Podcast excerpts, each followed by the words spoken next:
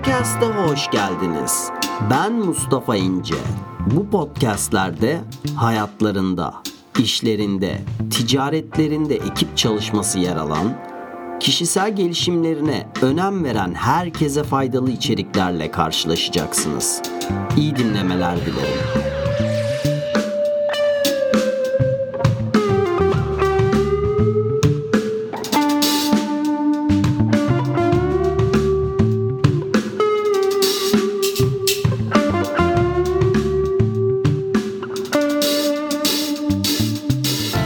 Podcast'e tekrar hoş geldiniz arkadaşlar. Yeni bir yayında, yeni bir podcast'te tekrar birlikteyiz. Bu podcast'imizde konuşacağımız konu, üzerinden geçeceğimiz konu duygusal zeka meselesi olacak. Bunu eminim daha önce duydunuz. EQ kısacası. Ee, bu konu hakkında bildiğim şeyleri, araştırmalarımı sizlerle paylaşacağım. Şimdi bu konuya girmeden önce bir çocukluğuma sizi götürmek istiyorum. Benim çocukluğumun bilim adamı Albert Einstein'dı. Bilmiyorum siz de yaptınız mı bu sorgulamayı ama ben küçüklüğümde sorardım kendi kendime. Ee, acaba Albert Einstein beyninin yüzde kaçını kullanıyor ya? derdim. O zamanlar e, bu yeni paradigma duygusal zekadan pek haberdar değildik tabii. Ama bu sorgulamayı yapıyordum. Bilmiyorum siz yaşadınız mı bunları? Şimdi IQ meselesi birazcık garip geliyor bana. Önemsizdir, değersizdir falan demiyorum. Ama top organizasyonlara baktığımızda işte o yüksek mevkideki o top şirketlere baktığımızda mümkün oldukça yüksek seviyedeki IQ'daki insanları kendi bünyelerine katmaya çalışıyorlar değil mi? Peki bu IQ elemesi, derecelendirilmesi neye göre yapılıyor? Bu biraz garip geliyor işte bana. Bu benim görüşümdür.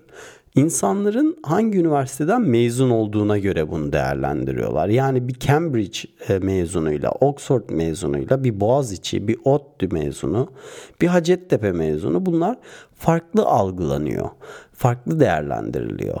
Ve bu biraz garip. Neden? Çünkü bu üniversitelere giriş zaten sadece bir senelik performansı değerlendirmek sonrasında oluyor. Yani o lise son sınıfta artık kaldı mı lise son onu da bilmiyorum ama o işte ortaokulun ya da orta öğretimin ya da o lisenin son sınıfındaki performansınla bu ölçülüyor. Eğer o yıl sen aşık olduysan, bir sağlık sorunu yaşadıysan e, vay haline. E, çok düşük IQ'dasın demek oluyor bu. Bu şekilde değerlendirilmesi biraz garip geliyor bana. Her neyse ama günümüzde karşılaştığımız durum bu. Şimdi bu duygusal zeka meselesinde en çok sözü geçen kişilerden birisi Daniel Goleman diye bir e, bilim adamı. Ve sanırım Microsoft ya da Google'dı. Onlardan birinin bir toplantısında, bir programında, eğitim programında yer alıyor ve duygusal zeka ile IQ'nun çizelgesini çizip bir e, görüşünü anlatıyor insanlara orada. Ne oluyor? İşte 3 aşağı 5 yukarı aynı IQ seviyesindeki insanları alıyoruz değil mi şirketlere? Ya da çevrenize de baktığınızda benim çevremde bir Einstein yok. 3 aşağı 5 yukarı hemen hemen herkes aynı IQ seviyesinde diyelim. Ne oluyor peki? Bu aynı IQ seviyesine sahip olan insanların arasında neden birileri daha başarılı, birileri daha az başarılı oluyor? Bazıları top performer oluyor, bazıları olamıyor. IQ'ları aynı olabilir. Aralarındaki fark birdir, ikidir. Ama duygusal zekaları arasındaki fark daha büyük olduğu için işte bu top performer'ı diğerinden ayıran özellik haline geliyor. Ya ben bunu şu şekilde anlatmayı daha e, açıklayıcı buluyorum. Düşün ki %100 en yüksek IQ seviyesi ve bir kişi var A kişisi buna sahip. %100 IQ seviyesine sahip ama duygusal zeka olarak %15'te. Bir de bir B kişisi var. IQ seviyesi %50 ama duygusal zekası %45 seviyesinde. Şimdi B kişisi A'dan daha iyi performans sergiliyor. Neden? Çünkü %100 IQ seviyesine sahip olan kişi duygusal olarak çok çabuk yoruluyor. %15 seviyesinde olduğu için duygusal seviyesi IQ'sunu o seviyede işleyebiliyor. Ama B kişisi %45 duygusal zeka seviyesine sahip olduğu için IQ'su %50 olsa da %45'e göre onu işleyebiliyor. O yüzden daha iyi bir performans sergiliyor. A kişisi duygusal olarak çok yoruluyor. O niye böyle dedi? Bu niye böyle yaptı? Şu durum niye böyle? Ya da benzeri duygusal yaşadığı hayatındaki sorunlara vesaireye çok takılıyor. Yani 10 bit işlem gücün var. Bunun 6'sını 7'sini bu yaşadığın duygusal sorunlara harcıyorsun. Bir diğer kişi de 10 bit işlem gücü var ama birini ikisini duygusal sorunlarına harcıyor. 9'unu kullanabiliyor. Tabii ki diğeri ikinci kişi daha performansı yüksek seviyede sergileyebiliyor. Şimdi performans ve stresle ilgili 10 yıllardır psikologların bahsettiği bir ters U şekli var. Yani performans stres arttıkça artıyor ama stres çok arttığında bu performansın tekrar düşmesine neden oluyor. Hiç stres yoksa ortada performans çok düşük seviyede oluyor. Yani o hiç stresin olmadığı noktaya boardroom deniliyor. İşte daydream'in yani insan zihninin sürekli uçtuğu, işini yaparken farklı şeyler düşündüğü, işini yapmak için yaptığı hal diyoruz biz buna. Mesela bir taksi şoförü diyelim, bir yazılım uzmanı mesela yapabileceğinden çok daha azını yaptığını düşünüyor mesela direksiyon başında ve sürekli işini yaparken farklı şeyler düşünüyor. Kendini işine veremiyor. Ya da bir veznedar mesela bir yazılım uzmanı ama veznedarlık yapıyor. Yapabileceğinden çok daha azını yaptığını düşünüyor. Dolayısıyla işini yaparken tamamıyla kendisini veremiyor. Sürekli olarak daydream yaşıyor, sıkılıyor, farklı şeyler düşünüyor işini yaparken. Zihni sürekli uçuyor. İşte buraya boardroom deniliyor hani ödevlerimizi ya da projelerimizi böyle son dakikaya bırakırız ya genelde. Çünkü bir ay öncesinden bu projeye ya da o ödeve hazırlanmak bize çok basit gelir. İşte stres arttıkça o son haftaya girdikçe son günlere girdikçe biz bu projeyi daha ciddiye almaya başlarız. İşte bunun nedeni bu. Stres arttıkça çünkü bizi flow state denilen zihnin en optimal hali bunun optimal bir durumu var tabi stresin gelmesi gereken optimal bir düzey var. Bizi bu hale sokuyor. Onunla ilgili de konuşacağız. Bu boardroom'la ilgili verileri nasıl topluyorlar? Bunu nasıl anlıyorlar? Bir application geliştiriyorlar. Yanılmıyorsam Apple'la birlikteydi galiba. Günün belirli saatlerinde insanlara işte bu application'ı yüklüyor insanlar ve insanlara bu application pop-up yapıyor soru soruyor. Diyor ki şu anda ne yapıyorsun diyor. İşte işimdeyim, vezne başındayım. İkinci soru geliyor ardından. Peki şu anda ne düşünüyorsun diyor. Hmm, iş sonrası gideceğim yemeği düşünüyorum diyor mesela. İnsanlar bu tarz işte veriler topluyorlar. Ee, günün belirli saatlerinde bu application insanlara sorular soruyor. Ne yapıyorsun ve ne düşünüyorsun diye. Aldıkları istatistikler çok garip insanların yüzde ellilik zamanlarını yaptıkları işte geçirmediklerini fark ediyorlar. Yüzde elli yoksun yani daydream'desin. Bu hayatının yarısı anlamına geliyor. Yani yaptığın işte değilsin. Daydream kötü bir şey de değil aslında ama her şeyin yerli yerinde olması gerekiyor. Yani bir direksiyon başındaysan direksiyon başında olman, bir iş yapıyorsan orada olman gerekiyor. Ama onun dışında tabii boş zamanında daydream'i yaşa, farklı şeyler düşün, yaratıcılığı geliştirmek için gerekli bir şey aslında bu. Ama her şeyin yerli yerinde olması gerekiyor. Şimdi bu stres seviyesi birazcık daha arttığında dedik ya en optimal hale geldiğinde seni flow state denilen işte akışa yani bilincin en optimal haline e, sokuyor. Anda kalmak, akış, flow state diye bir podcast'ım var. Burada bunu daha detaylı anlatıyorum. Bir kulak kabartmanızı tavsiye ederim eğer bu konu hakkında bir şeyler öğrenmek istiyorsanız.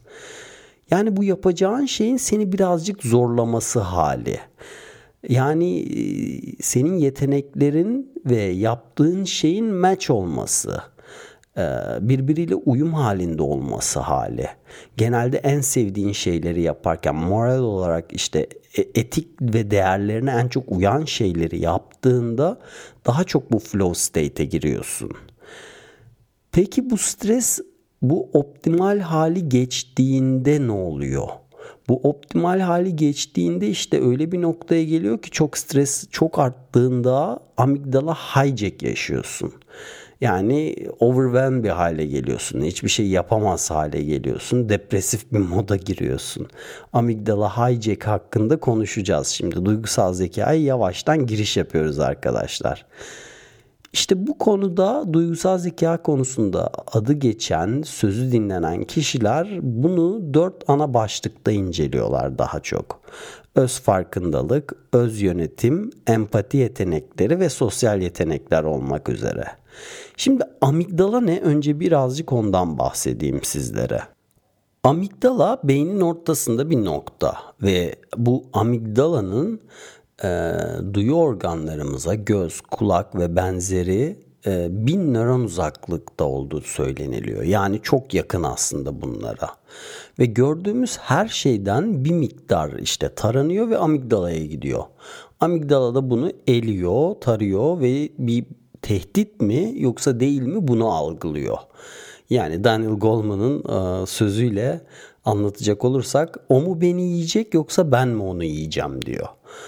E, tabii bu amigdala bu tepkiye göre de e, hemen hiyerarşiye sokuyor. İşte adrenalin pompalanıyor bacaklara, kollara ya da her neyse işte koş, kaç, dur, don gibi tepkiler vermemizi sağlıyor.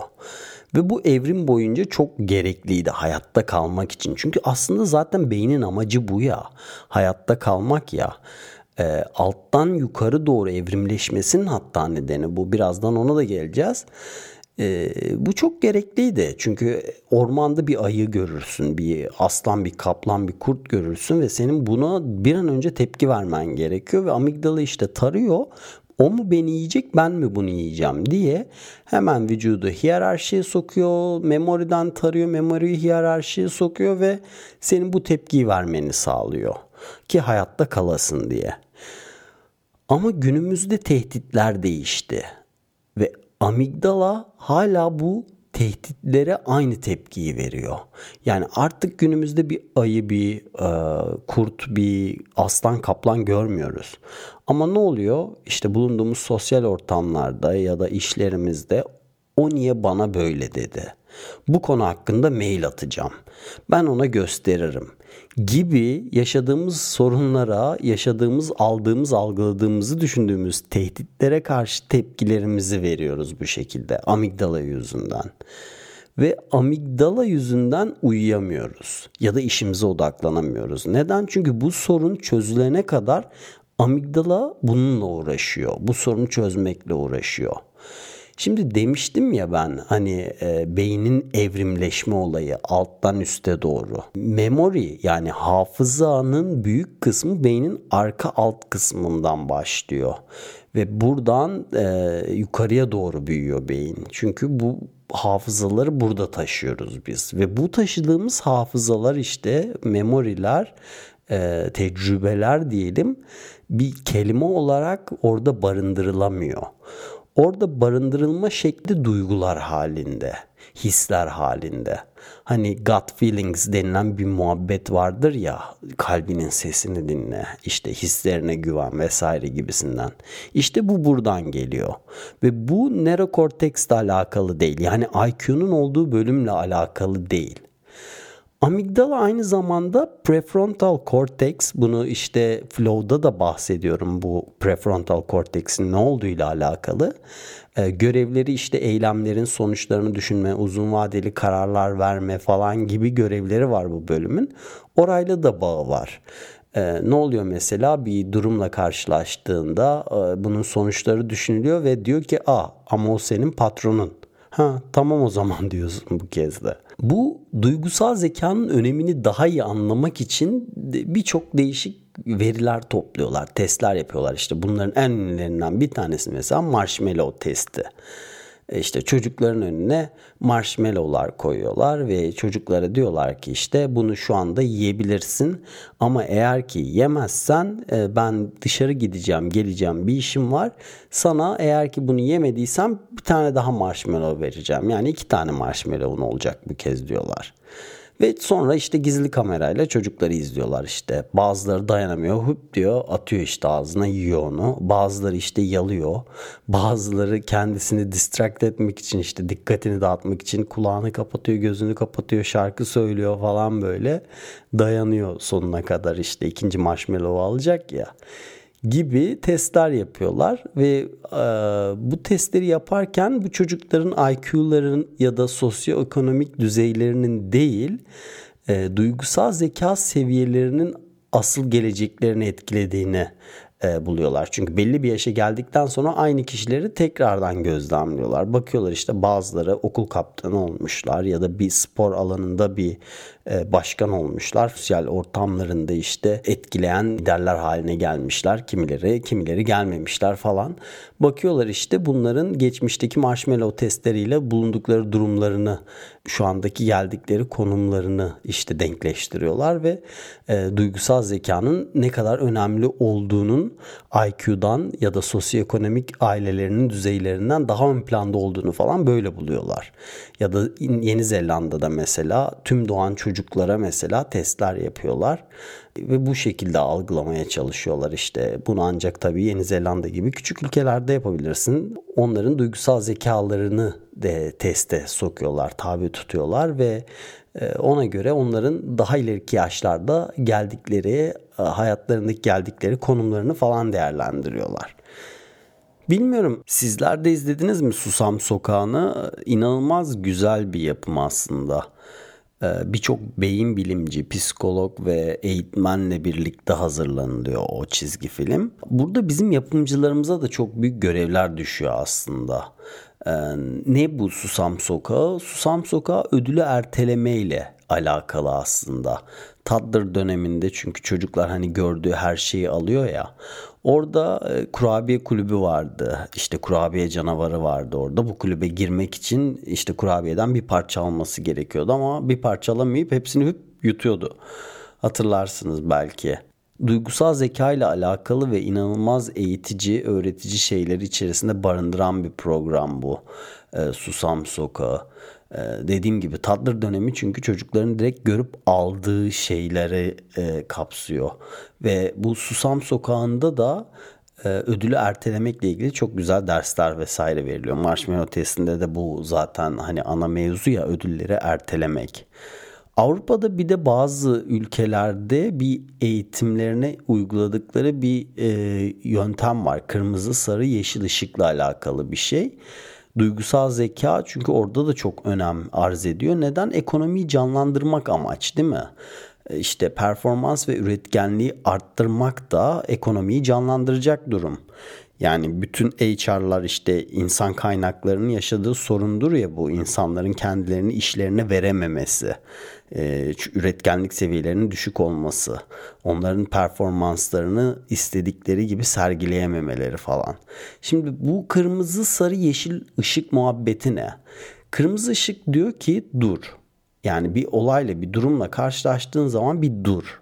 Bir düşün diyor. Sarı diyor ki verebileceğin tepkileri düşün ve bunların sonuçlarını bir düşün diyor. Yeşil ışıkta bu tepkilerinin arasından en iyisini seç ve uygula. Diyorlar ki işte 6 saniyemizin olduğunu söylüyorlar. Bu amigdala hijack'i yediğimizde o işte darbeyi indiğinde zihne o 6 saniye düşünme süremizin olduğu söyleniliyor ve bu kırmızı sarı yeşil ışık uygulanılabilir. Bu duygu bana nereden geliyor? Koltuğumu mu kaybetmekten korkuyorum acaba? Neden ben böyle hissediyorum şu anda? Korkularım mı var? gibi bunları düşünmek e, önemli duygusal zekada. Şimdi sosyal beyin muhabbeti var bir de bu çok ilginç bir şey. Bundan da bahsetmek istiyorum sizlere. İtalyan bir bilim adamı e, şans eseri iki tane beyni incelemeye başladığında buluyor bunu. Deneylerine nasıl başlıyor? Bir maymunun işte beynine vericiler e, koyuyor ve işte muz yediği zaman eline her ağzına götürdüğünde beynin hangi noktasından sinyal verildiğini ölç, ölçmek amaçlı bir deneye tabi tutuyor maymunları. Neyse bir gün otururken e, garip bir şekilde sinyal vermeye başlıyor bu vericiler. Ama halbuki maymun hiçbir şey yemiyor.